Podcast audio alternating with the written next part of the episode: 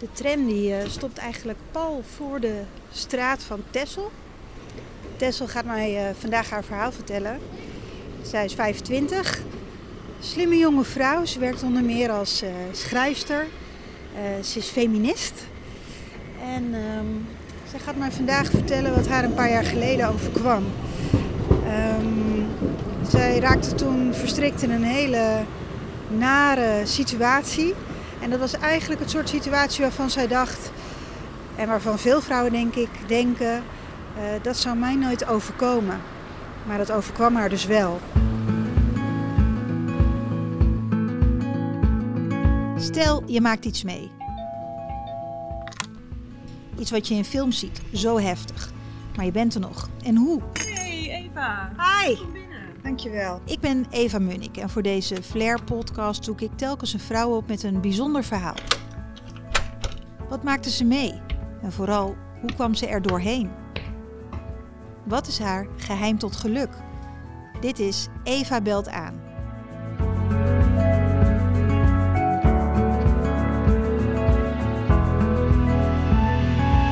Tessel, dankjewel dat ik welkom ben in jouw huis. Ja, eh, je bent uh, hartstikke welkom. Ja, hartstikke gezellig. Het is een woongroep? Ja, het is een woongroep uh, waarin iedereen een uh, eigen woonkamertje en slaapkamer heeft. En dan delen we een keuken en een badkamer. Heel gezellig. Je woont hier nog niet zo lang, hè? Nee, ik woon er net anderhalve maand ongeveer. En ik ben echt ontzettend blij, want ik ben absoluut een slachtoffer geweest van het Amsterdamse woonbeleid. Ik heb echt uh, de vreemdste huurcontracten gehad en de naarste huisbazen. Maar nu zit ik hier eindelijk voor onbepaalde tijd. Dus ik ben helemaal door het dolle heen. en ja, het is super gezellig, heel veel roze. Ja, roze is natuurlijk mijn. Uh, is dat jouw kleur? is mijn uh, signature look, ja. ja. Um, we zijn hier omdat jij mij jouw verhaal gaat vertellen. Um, je hebt er ook een boek over geschreven. Dat heet uh, dat, Dit zou jij nooit toelaten. Zeg het goed? Dat zou je nooit toelaten. Dat zou jij nooit toelaten. Um, want dat dacht jij, hè? Ook van jezelf vooraf.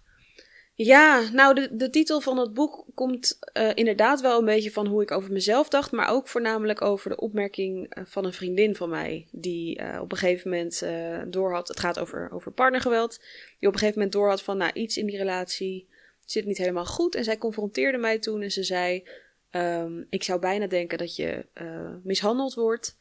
Maar ik ken jou heel goed en je bent een sterke vrouw. En ja, dat zal je nooit toelaten.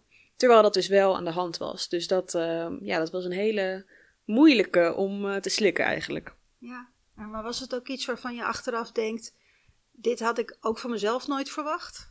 Ja, ik denk dat ik heel erg een vooroordeel had over partnergeweld. Um, van dit, dit overkomt een bepaald soort vrouw. Um, misschien een vrouw die financieel afhankelijk is van haar partner. Um, of een vrouw die een beetje onzeker is of zo. dus ja, ik, ik had zeker een vooroordeel. En ik, en ik zag mezelf niet als ja, die vrouw tussen haakjes. Maar toen ik research ging doen voor mijn boek en ook uh, mijn, mijn laatste boek wat over femicide gaat, kwam ik erachter dat ja, allerlei vrouwen dit overkomt. Uh, en dat plegers ook uit alle lagen van de samenleving komen, met allerlei verschillende culturele achtergronden. Kortom, dit kan iedereen overkomen. Ja. Dus um, gelukkig uh, veranderde ik toen van gedachten. En het overkwam jou toen je 19 was? Ja. Het begon met een, een stedentripje. Ja, ik, uh, nou ja, ik heb uh, in mijn leven soms periodes van somberheid. En uh, nou, ik zat een beetje in een, in een diepdal toen een vriendin mij probeerde op te vrolijken door uh, een, een weekendje Londen te boeken. superleuk. Ehm, dus wij gingen daarheen en we zaten in een hostel. En op een avond zouden we uitgaan en waren we alvast wat drankjes aan het doen. En toen kwamen we een, een jonge man tegen die eigenlijk meteen um, ja, wel mij zag zitten, vrij duidelijk. En uh, mijn complimentjes gaf en met me aan het flirten was. En nou ja, dus natuurlijk niks fijner als je een beetje in de put zit. Dan, uh, ja, dan iemand die je overlaat met complimentjes en, en een fijn gevoel. Um, dus ik uh, gooide me daar helemaal in. Hij was Engels? Hij was, hij was Engels. Hij was een stukje ouder. Hij was 25. En um, ja, nadien, na het weekend, toen ik weer in Nederland was, zei hij van... Uh, zal ik anders een keertje langskomen? En ja, zo leerden we elkaar wat beter kennen. even rewind. Hoe, hoe, was de tijd in, met hem in Londen? Ehm, heel erg leuk, uh, maar we waren ook gewoon op, op een feestweekend. Dus ook heel veel uh, gedronken en heel veel feest. Um, dus ik denk ook dat hij wel rooskleuriger aanvoelde dan dat hij eigenlijk was. Of, je hebt dan natuurlijk ook gewoon een beetje een bril op van, oh een leuk uh, losgeslagen feestweekend. Um, maar eigenlijk had ik natuurlijk nog helemaal geen idee wie ik voor me had. Maar had je lange gesprekken met hem gevoerd? Had je met hem gezoend? Ja, we hadden gezoend en we hadden wel lange gesprekken gehad. Al kan ik me die niet zo goed herinneren. um, maar ik vond hem in ieder geval superleuk. Ja. En je zegt, je zat eigenlijk in een wat sombere periode. Die heb je vaker. Kun je daar iets over vertellen?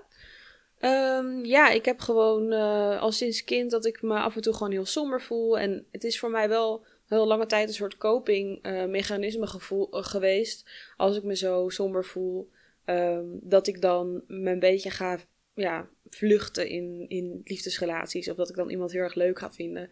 Um, en ja, het is pas sinds kort dat ik eigenlijk doorheb van, oh, dat is niet een heel handig copingmechanisme. Het, klinkt heel onschuldig, weet je wel, lekker verliefd worden en zo. Maar op het moment dat je dat ge gebruikt als een vlucht, dan kan het natuurlijk in dit soort situaties uh, um, laten terechtkomen. Dat je eigenlijk zo graag gewoon je verliefd wil voelen en je fijn wil voelen, um, dat je ook liefde die misschien helemaal niet zo gezond is, um, ja, toelaat of, of, of voor lief neemt. Ja.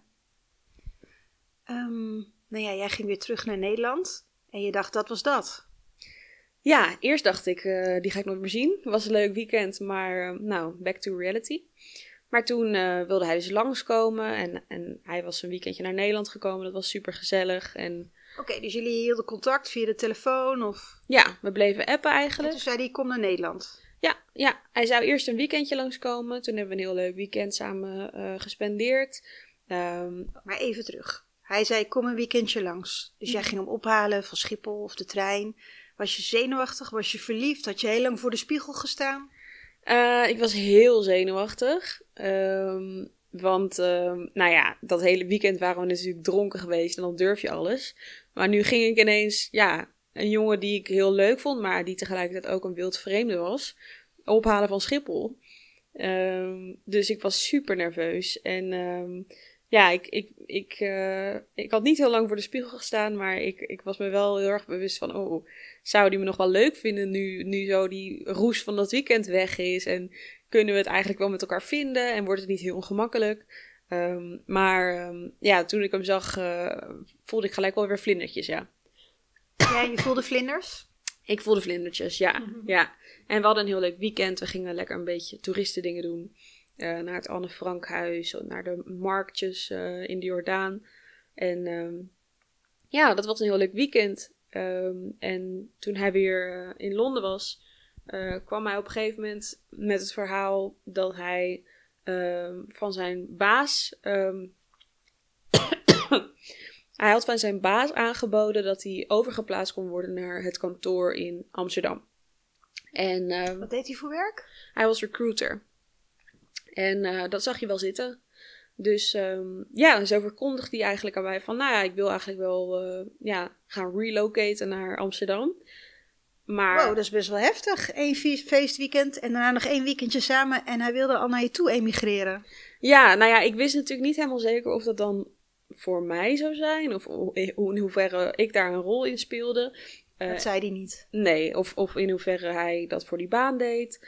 Um, maar zo verkocht hij het dus samen van nou, ik, ben, uh, ik kan overgeplaatst worden en ik zie dat eigenlijk wel zitten. Uh, maar hij had wel zorgen over de huizenmarkt in Amsterdam, want dat is natuurlijk uh, een lastige. En hij kon eigenlijk bijna direct al beginnen, maar ja, moest dan nog een appartement vinden. En toen vroeg hij of hij um, misschien een weekje of twee bij mij in mijn studio zou kunnen wonen. Ja, jij studeerde in Amsterdam. Precies, ja. Ik woon in een klein studentenstudiootje uh, ergens uh, in Amsterdam-Oost. Um, en ja, het kwam eigenlijk niet eens in me op om, om nee te zeggen. Ik dacht, ja, die jongen die um, emigreert uh, misschien wel vanwege mij naar Nederland. En um, nou, ik was nog steeds helemaal, helemaal ja, happy, zeg maar, op, op mijn roze wolkje. Dus ik zei, ja, tuurlijk, een weekje, wat is dat nou? Prima. En was jij heel blij dat hij in Nederland kwam wonen? Dacht je, wow, dit is misschien wel de liefde van mijn leven? Of... Ik weet niet. Ik denk dat ik vooral wel heel erg overdonderd was. Ehm, maar ja, zoals ik al zei, het kwam niet eens in me op om nee te zeggen. En ik weet ook niet of ik er nou heel erg ja, diep over na heb gedacht of dit wel was wat ik wilde. Want ik voelde me ook een beetje ja, verplicht misschien. Ik dacht, ja, als hij helemaal naar Nederland komt verhuizen, half om met mij te zijn, ja, dan ga ik ook niet moeilijk doen over een week in mijn uh, studio, weet je wel. Ehm, ook gewoon omdat ik me dan heel erg lullig zou voelen. Dus ik weet niet eens of ik echt heb nagedacht over, wil ik dit wel? En um, nou ja. Je werd een beetje overdonderd, voor het blok gezet. Absoluut. En um, ja, ik weet niet of ik, of ik over hem nadacht als de liefde van mijn leven. Maar ik was dus wel nog steeds heel erg aan het wegrennen voor mijn eigen emoties. Door maar gewoon uh, de roze wolk uh, van verliefdheid in te rennen. Ja. Ja. En toen kwam hij. Toen kwam hij, ja. En uh, eerst was dat nog heel gezellig. Uh, hij um, was nog steeds even complimenteus. Hij um, ja, was, was gewoon heel lief voor me en we hadden het heel gezellig. Totdat hij op een gegeven moment um, ja, een beetje ja, een beetje lullig begon te doen. Een beetje complimentjes die niet echt complimentjes waren. Flauwe grapjes, uh, waar hij eigenlijk wel iets gemeens mee bedoelde. Hij, Kun je een voorbeeld geven? Ja, hij um, uh, had soms commentaar op de manier waarop ik me kleden.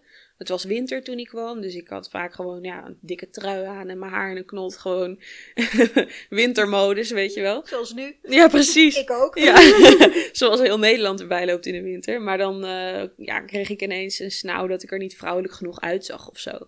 Um, en, uh, ja, Op wat voor manier zei hij dat dan? Uh, nou, ik weet nog dat ik op een gegeven moment naar mijn werk ging in, in een trui, in een, uh, een dikke trui en, een, en zonder make-up op. En dat hij toen aan me vroeg van, ga je zo de deur uit? Hmm. En dat ik toen dacht van, ja, hoezo? Zei, ja, het ziet er toch niet uit? En nou, ik vond het heel raar, maar ik had haast, dus ik moest uh, gewoon weg.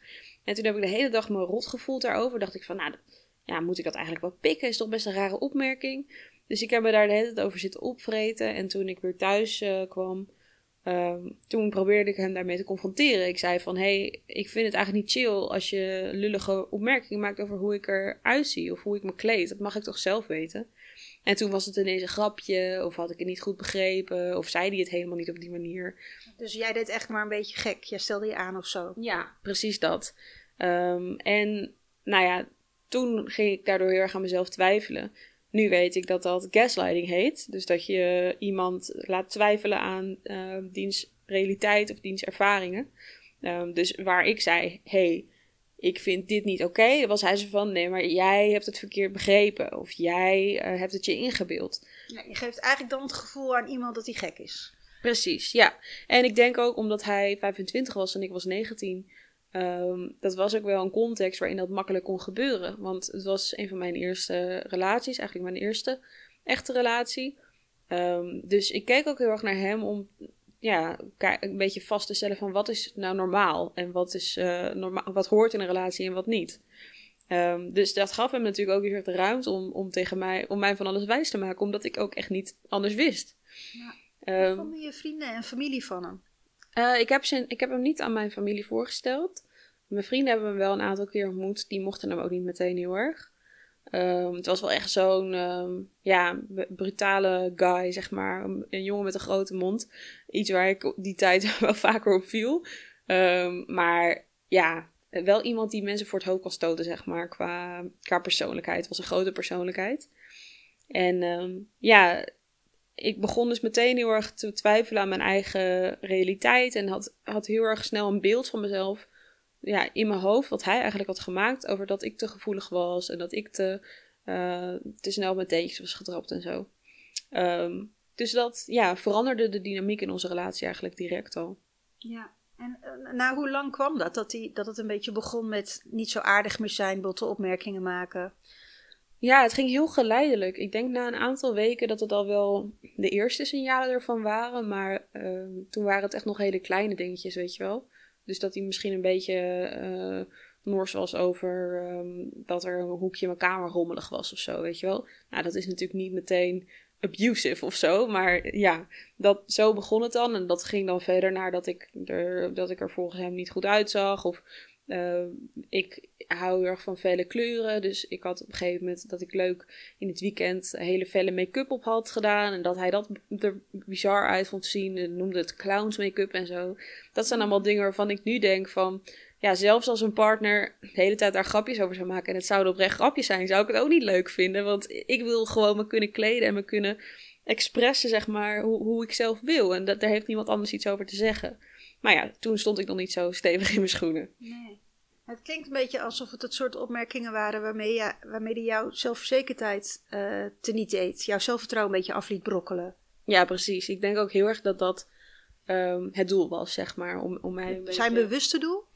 Ja, ik denk het wel. Ik denk dat heel veel uh, partners die, die abusive zijn, um, ja, echt wel vrij doelbewust het, het zelfvertrouwen van, van hun partner proberen um, naar beneden te, te, halen. Om, diegene ook meer afhankelijk te maken.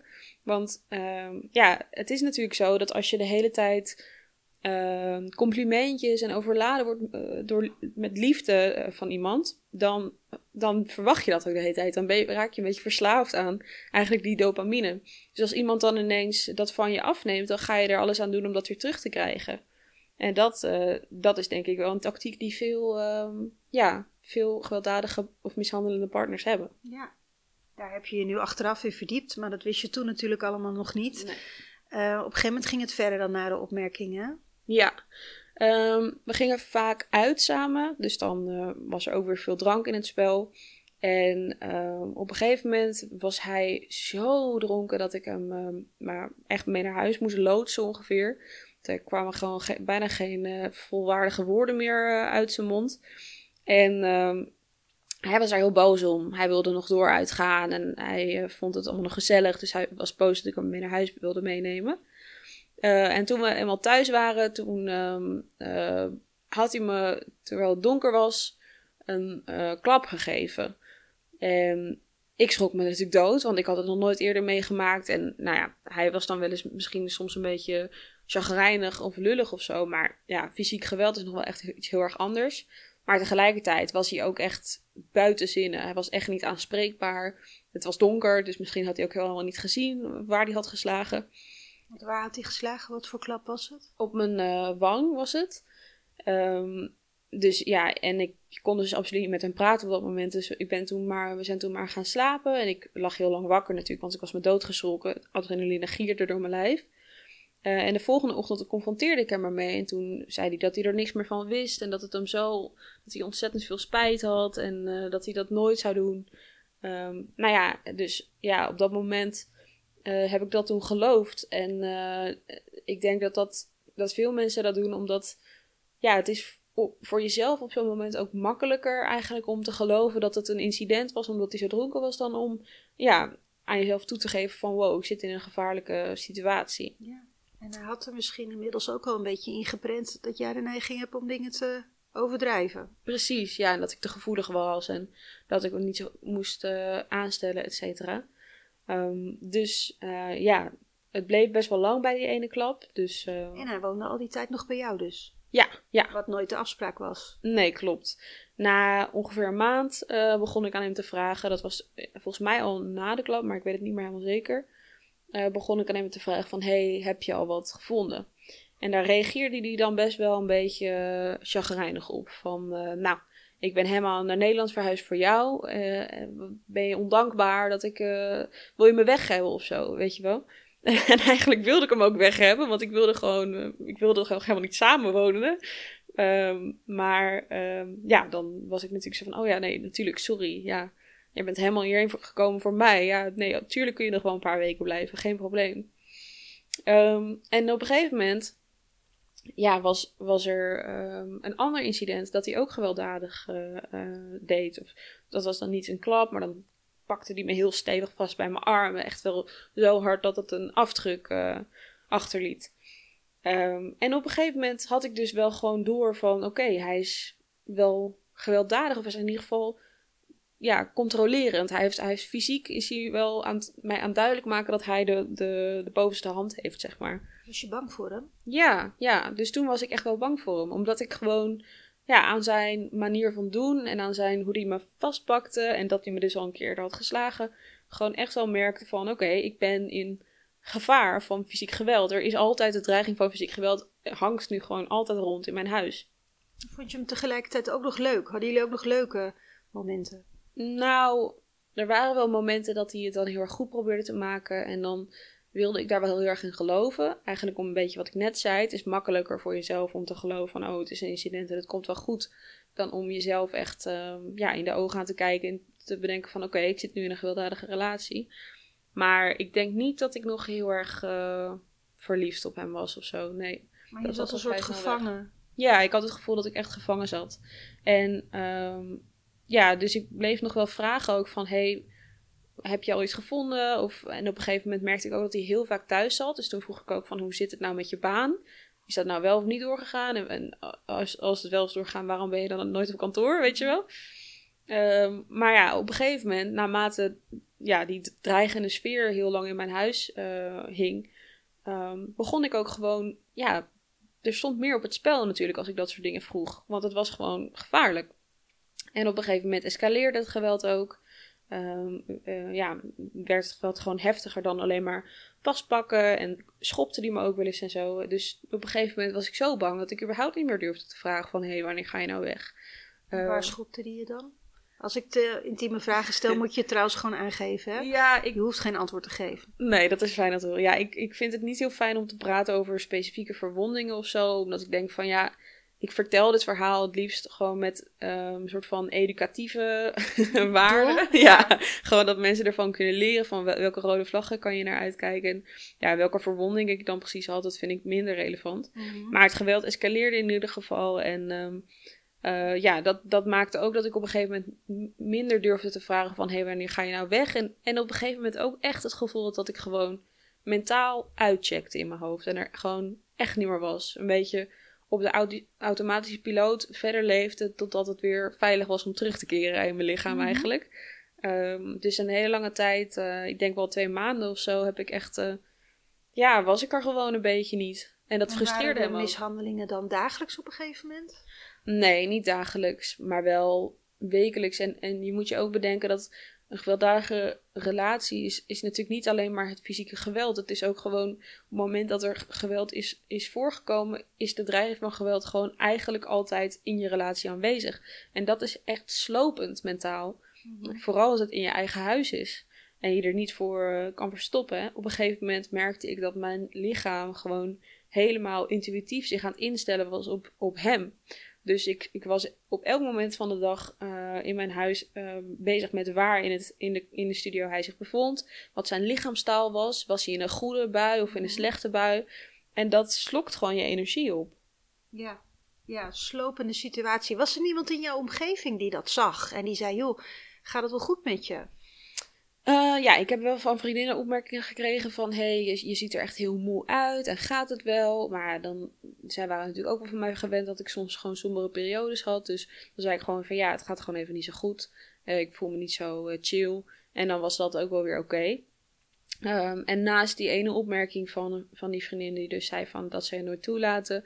heb ik eigenlijk nooit um, ja, echt, echt vriendinnen gehad die echt aan de bel trokken. Nee. nee. En jij wilde het niet vertellen. Nee, ik, ik was heel veel aan het liegen ook over hoe het ging in onze relatie. Deels omdat ik zelf gewoon echt een beetje in, uh, in denial was, weet je wel. Ik mhm. wilde het gewoon niet, uh, niet onder ogen komen. Maar ook omdat ik me heel erg schaamde, waar we het eerder over hadden. Ik zag mezelf niet als het type vrouw dat werd mishandeld. En, en ik uh, was toen al vrij feministisch. Um, ik schreef al feministische artikelen. Um, dus ja, dan is het al helemaal uh, gek om dat aan je vrienden te vertellen. Hè? Jullie kennen mij als een feministische, goed gebekte jonge vrouw, maar achter gesloten deuren word ik mishandeld. Zei hij wel eens sorry?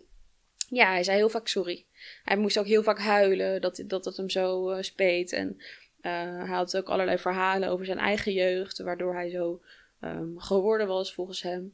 Um, dus we hebben er ook wel eens over gepraat met z'n tweeën, ja. Mm -hmm. Hoe wist je te ontsnappen aan deze situatie uiteindelijk? Um, nou, op een gegeven moment was ik eigenlijk zo um, depressief. Um, op een gegeven moment ging het zo slecht met mij dat ik. ja, hij begon me toen te bedreigen ook met de dood. Hij zei: Als je Ehm, als je bij me weggaat, dan maak ik je dood. Nou, dat heeft me een hele lange tijd heel bang gehad. Maar op een gegeven moment kon het me zo weinig schelen dat ik eigenlijk sowieso had van, nou, je doet maar. En toen hadden we op een gegeven moment ruzie. Het was voor hem ook heel frustrerend dat ik eigenlijk een beetje mentaal uitgecheckt was. Want hij, ja, hij wilde natuurlijk de hele tijd... I don't know, hij wilde engagement van mij. Hij wilde dat, ik, dat hij mij onder controle had. En hij zag dat ik gewoon een beetje er niet meer was. Hij merkte dat jij als een beetje een soort zombie bijna door het leven ging inmiddels. Ja, precies. Ja. Door zijn mishandelingen. Ja, en hij kon me gewoon niet meer echt bereiken. Ehm, en op een gegeven moment hadden we ruzie en uh, bedreigde hij me dus weer. En toen was ik echt ja, gewoon zodanig afgestompt dat ik dus zei van, nee, je doet het maar. En uh, daar werd hij ook weer heel boos om. En toen op een gegeven moment, um, ja, kwam ik op zo'n punt dat ik hem zelfs terug durfde te duwen. En dat was echt een beetje een magisch moment, want ik had toen de voordeur openstaan omdat ik aan het koken was. En hij stond uh, in de deuropening en toen gaf ik hem een zetje en hij viel, of hij ja, uh, stapte een aantal stappen naar achter om zijn evenwicht te bewaren. en toen heb ik de voordeur uit een soort van instinctieve ja, reflex dichtgetrokken. Um, en ineens dacht ik van, nou, ik kan gewoon de deur dicht houden. Wat, wat, wat, wat, is dit voor situatie? Ik zit hier in mijn eigen huis. Een man die mij hier zit te, te terroriseren. Uh, terwijl hij woont hier niet eens. Weet je wel? Hij heeft hier een paar, hij heeft hier een paar uh, kledingstukken en zijn paspoort liggen. Maar hij, volgens mij heeft hij geen zijn baan hier. Hij kent hier niemand. Allemaal hoela. ik hou gewoon die deur dicht. Uh, dus hij stond toen urenlang nog te bonzen en te schoppen. En, oh ja? Ja, echt. Hij was helemaal, hij was echt woedend. Want hij merkte natuurlijk dat, dat hij toen geen controle meer over mij had. En ik heb gewoon, uh, ja, ik dacht gewoon, nee, ik, ik hou de deur gewoon dicht. Ja, wat ga je me doen? En hoe voelde jij het al die uren dat hij aan het bonzen was op de deur? Um, ik had toen heel veel adrenaline en ik voelde me eigenlijk heel goed of zo. Ik had echt een soort van strijdlust weer teruggekregen. Um, uh, ik heb toen het gas uitgezet en ben gewoon op de grond gaan zitten tegen die deur aan. En gewoon gewacht eigenlijk dat hij wegging. En op een gegeven moment was hij weg. Toen heb ik nog een, een uur of zo gewacht voor de zekerheid. Toen heb ik zijn spullen naar de um, opzichter gebracht. We wonen dus in een appartementencomplex waar beneden een soort van lobby was. Mm-hmm. um, ik heb hem een appje gestuurd van... hey, je paspoort en je kleding en je spullen liggen bij de receptionist. En um, uh, ja, ik wil je nooit meer zien. En toen heb ik hem geblokkeerd. En uh, ja, dat, dat was eigenlijk het einde. Ik heb tegen de opzichter gezet van... ik wil dat je hem nooit meer binnenlaat, want hij heeft me mishandeld. En ja, toen was het eigenlijk afgelopen. Of nou ja, het geweld was afgelopen, maar ik moest natuurlijk toen nog ja, alles gaan verwerken en um, ja, eh, onderzoeken wat, wat is er nou eigenlijk gebeurd. Omdat ik dus heel lang in een soort van ja, ontkenningsfase zat. Dus dat heeft echt wel even gekost. Ik weet nog dat ik de eerste paar dagen echt uh, neurotisch mijn kamer aan het herorganiseren was. En al mijn spulletjes aan het verplaatsen was om het weer een beetje het gevoel terug te krijgen dat het van mij was. Mm -hmm. En um, ja, dat lukte maar niet. En, en toen ben ik een jaar later of zo ben ik in therapie geweest. Um, dus dat was nog wel echt een lange nasleep of zo. Um, Hoe lang heb je in die relatie gezeten? Uh, uiteindelijk maar vijf maanden. Nou ja, dat is best wel kort. Ze heeft toch vijf lange maanden als je zo behandeld wordt. Het zijn vijf lange maanden, maar ik ben daarna dus voor mijn boek onder andere onderzoek gaan doen naar partnergeweld. En toen ben ik er wel achter gekomen dat ja, dat ik het uh, tussen haakjes makkelijk heb gehad, zeg maar. Voor veel vrouwen uh, duurt een gewelddadige relatie veel en veel langer. Gaan ze gemiddeld zeven keer terug naar degene die ze mishandelt, voordat er echt een einde aan de relatie komt. Um, en um, nou ja, waar ik het dus heb uitgemaakt en toen vrij makkelijk van hem af was, kunnen heel veel vrouwen re rekenen op echt maandenlange stalking. En voor sommige vrouwen heeft het dus ook een fatale afloop. Uh, dat heet dus femicide. En daar gaat mijn laatste boek over. Um, die worden gedood door hun partner of ex-partner. Precies, die worden gedood door een ex-partner uh, of partner. Vermoord, moet je eigenlijk gewoon zeggen. Ja. ja. en vaak op het moment dat, dat zij het uitmaakt of de scheiding wil. Dus dat is het meest uh, risicovolle moment in zo'n relatie. Um, dus ja, dat was ook best wel lastig of zo. Ik, ik ben heel blij dat ik, dat ik beide boeken geschreven heb, maar vond het ook wel heel uh, confronterend of zo om te lezen van wauw, ik, ik heb echt geluk gehad en dat had het heel anders kunnen aflopen. Want hij is gewoon teruggegaan naar Engeland of weet je dat niet? Um, nou, ik weet dat hij eerst nog een tijdje bij een vriendin heeft gewoond uh, van hem. Maar hij is uiteindelijk wel teruggegaan naar Engeland, inderdaad. Um, en ik heb toen gewoon geen, uh, Nee, hij heeft me nog een keer een brief gestuurd, maar verder heb ik geen contact meer met hem gehad. Nee. Wat stond er in die brief? Mag ik dat weten? Ja, ehm, ik heb hem toevallig ehm, een tijd geleden pas voor het eerst gelezen. Want ik, eh, ik was toen zo boos dat ik echt dacht, ik ga hem nu niet het laatste woord laten hebben. Ik ga het lekker niet lezen. Eh, maar er stond vooral in dat, hij heel veel spijt had. En ehm, ja, dat, eh, dat ik hem veel heb geleerd ook over zichzelf. dat hij hulp ging zoeken. En ja, nog meer dingen. Hoe voelde je daarbij toen je dat later alsnog las? Ja, wel goed. Ik bedoel, het klinkt misschien heel raar. Ik ben aan de ene kant heel boos natuurlijk op hem dat hij zoiets, of nou, ik was heel boos op hem dat hij zoiets heeft ehm, gedaan en zo. Uh, en ik wil dat ook nooit goed praten, maar ik ben wel iemand die niet echt wraakzuchtig is of zo. Um, en ik zag ook aan hem, weet je, het is wel gewoon waar dat gelukkige mensen geen mensen mishandelen.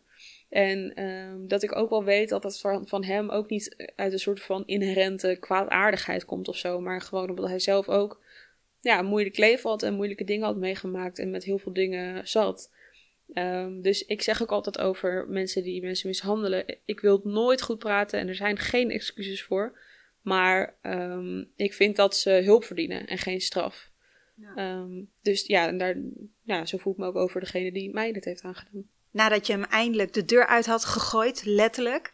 Uh, geweldig moment. Maar daarna ja, begon ook eigenlijk pas voor jou dat proces van verwerken. Wat jou nou eigenlijk was overkomen. En, en hoe dat nou toch zo had kunnen gebeuren. En uh, heb je het uiteindelijk dan wel aan je vrienden en familie verteld?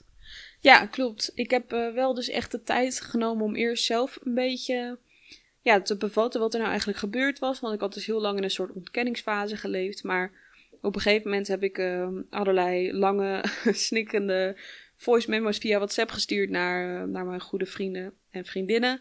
En uh, de meeste van hen reageerden daar ontzettend lief op en uh, gaven me ook alle ruimte. Die zeiden van, nou, wij willen er natuurlijk over horen, maar laat maar weten wanneer je er klaar voor bent. Daar hebben ook totaal geen druk op me gezet. Ik heb wel één vriendin gehad die wat vervelender reageerde, die mij best wel victim blamede en zeiden van, ja, Um, ja, je, je kan toch van je afbijten als volwassen vrouw. En uh, hoe heb je dit nou kunnen toelaten? Mm. Dus die vriendschap is op een gegeven moment ook doodgebloed. Dat was uh, echt wel heel naar. Um, maar over het algemeen is hele lieve reacties. En um, ja, mijn ouders heb ik het ook op een gegeven moment uh, verteld. en ja, nog een tijdje later ben ik er dus een boek over gaan schrijven. Dus, ja. maar je ouders, dat lijkt me als moeder vreselijk om te horen dat jouw kind dat overkomen is. Ja, mijn moeder vond het ook heel moeilijk om te horen natuurlijk. Maar we hebben er wel heel fijn over kunnen praten. En ze is super trots op me, uh, wat ik er nu mee heb gedaan en de boeken die ik schrijf. Um, dus dat steunt ze ook heel erg. En we hebben daar, daardoor ook heel veel gesprekken gehad over uh, ja, um, geweld tegen vrouwen, feminisme, um, uh, liefde, relaties. dus ja, dat is eigenlijk heel fijn. Ik heb, ik heb echt ontzettend veel geluk met het warme nest waar ik uitkom. Mm -hmm. die me zo hebben gesteund, ook in die moeilijke tijden. Ja. Ja, want jij komt dus uit een warm nest. Je bent een sterke vrouw. Uh, en toch uh, liet je dit toe, vijf mm. maanden lang. Um, heb je daarna in al je research en je gesprekken en door je boeken, uh, ben je erachter gekomen hoe dat dan komt? Dat, dat wij allemaal, denk ik, in staat zijn om dit heel lang toe te laten. Ja, ik denk dat iedereen daar zijn redenen voor heeft. Ik denk voornamelijk dat dat toelaten gewoon niet het goede woord is. Um, want um, ja, het overkomt je eerder. Uh, en het is niet echt iets wat je toelaat of uitlokt of waar je om vraagt.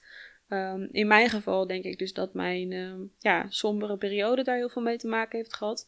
Maar er zijn ook vrouwen die worden mishandeld door de vader van hun kinderen, weet je wel? Of, of door een man van wie ze misschien afhankelijk zijn voor uh, financiën of zelfs een verblijfsvergunning. Um, sommige uh, vrouwen worden, worden ineens mishandeld door iemand waar ze al jarenlang een relatie mee hebben, waar ze heel erg van houden. Um, dat is natuurlijk heel, heel lastig. En ik denk ook dat je, ja, dat zo'n relatie gewoon veel minder zwart-wit is dan mensen die het niet hebben meegemaakt het vaak zien. Hè? Dus een, een, een, mens, een persoon die je mishandelt is niet alleen maar een monster. Is ook iemand die soms misschien heel erg lief is. Of die je misschien zelf ook ziet lijden onder zijn eigen persoonlijke grief. En waar je ook heel erg mee meeleeft. Um, dus dat kan in elke situatie anders zijn. En ik denk dat je je dat niet zo goed kan voorstellen totdat je het zelf uh, hebt meegemaakt. Ja, dit overkomt niet alleen zwakke vrouwen. Nee, dit overkomt echt alle vrouwen. Hoogopgeleide vrouwen, rijke vrouwen, uh, super onafhankelijke vrouwen. ehm, dit kan iedereen overkomen. En ook allerlei soorten mensen zijn plegers. Ja. ja. En als er nu vrouwen luisteren die uh, zelf misschien in zo'n situatie zitten, wat zou je dan tegen ze willen zeggen?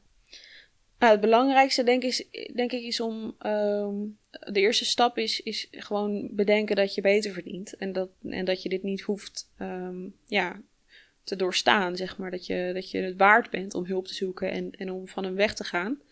Um, en dan, ja, de tweede stap is om hulp vragen en dat durven en ook aanvoelen wanneer dat een veilig moment is. En goed, ja, kijken bij wie je terecht kan. Uh, en als dat niet vrienden of familieleden zijn die dichtbij staan, dan kun je misschien naar uh, bijvoorbeeld chatten met Vier, een uh, goede organisatie, of bellen met Vier, of met Veilig Thuis, of met Slachtofferhulp. Er zijn heel veel organisaties in Nederland die ervoor zijn gemaakt om mensen in dit soort situaties te helpen. En die daar ook heel erg bevoegd in zijn en, en daar heel goed in zijn. En die precies weten waar ze op moeten letten om jou veilig te houden. Hoe gaat het nu met jou? Heel goed. Ja, mm. ja ik, ik ben heel uh, trots op, op de boeken die ik heb geschreven en de mensen die ik er ook over, over heb gesproken. Ik krijg ontzettend veel berichtjes van vrouwen die hetzelfde hebben meegemaakt en die mijn boek hebben gelezen en uh, zich ook minder alleen voelen en zich er minder voor schamen. Dus daar ben ik ontzettend blij mee. En uh, nou ja, mijn nieuwste boek, Femicide, is, is in november uitgekomen. En ik heb nu met mezelf en met mijn uitgever afgesproken dat mijn volgende boek over iets heel vrolijks gaat. uh, omdat het voor mij op een gegeven moment ook tijd wordt om, om uh, hoe belangrijk ik het onderwerp ook vind, om het op een gegeven moment achter me te laten en het hoofdstuk af te sluiten. En ik ben ook benieuwd of je na die relatie anders in relaties uh, bent gaan staan. Of ben je, zou je het nu meteen herkennen, denk je, als je een man tegenkwam of een vrouw, een partner, bij wie je eigenlijk weg moet wezen? Um, ja, lastig. Um, ik, ik denk wel dat ik anders in relatie sta, gewoon omdat ik ook volwassener ben geworden. En inderdaad ook omdat ik gewoon wel een neusje heb gekregen voor bullshit, zeg maar. um, maar ja, ik denk ook, weet je, ik was 19, ik was somber, ik was onzeker en ik was heel erg gewoon op zoek naar iets om aan vast te klampen. En nu ben ik een ja, vrij zelfverzekerde uh, volwassen vrouw um, die heel anders naar relaties kijkt. Um, dus ja, wat dat betreft uh, sta ik sowieso in een andere positie. Maar ik moet wel zeggen dat ik juist doelbewust niet heel erg uitkijk naar rode vlaggen en dergelijke. Ik heb juist echt met mezelf afgesproken van ik wil graag open en uh, ja, met een open hart uh, naar de liefde toe um, kijken en voelen. Omdat ik niet mezelf verantwoordelijk wil maken voor de, de slechte bedoelingen van iemand anders, snap je? Uh, ik ben liever naïef en gewoon een goed mens dat gelooft in liefde dan iemand die uh, de hele tijd paranoïde om zich heen kijkt op zoek naar rode vlaggen. Ik gun mezelf gewoon die onbezonnenheid, die, die denk ik ook een heel belangrijk deel van, van liefde is. Dankjewel voor je verhaal. Ik vond het heel mooi. Tenminste, het einde vond ik heel mooi. Ja, dankjewel. Ja, ik vind het altijd fijn om te delen.